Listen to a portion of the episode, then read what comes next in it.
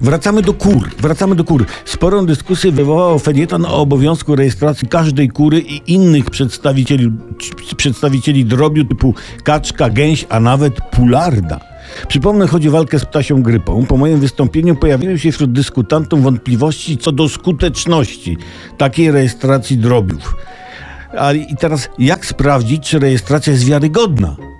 Potrzeba kontrolerów, co może być pomocne w likwidacji resztek bezrobocia. Tam ogłasza się, potrzebujemy 20 tysięcy bab i chłopa do kontroli ferm i kurników. No bo jak inaczej sprawdzić rzetelność rejestracji?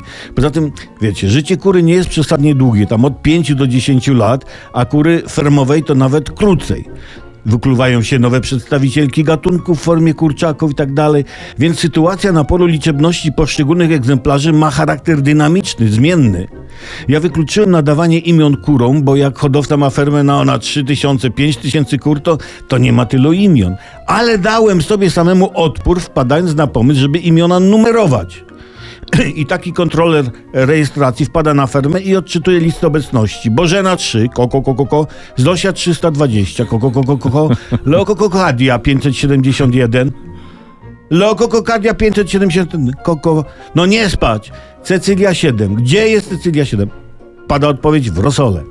Jak więc widzimy, rzetelność rejestracji i kontroli zależy w dużej mierze od samodyscypliny drobiu. Nie jednego drobiu, ale więc wszystkich drobiów. Dążmy do tego, dążmy, a drób odwdzięczy nam się radosnym ujadaniem. Znaczy, może bardziej samym daniem, bez uja.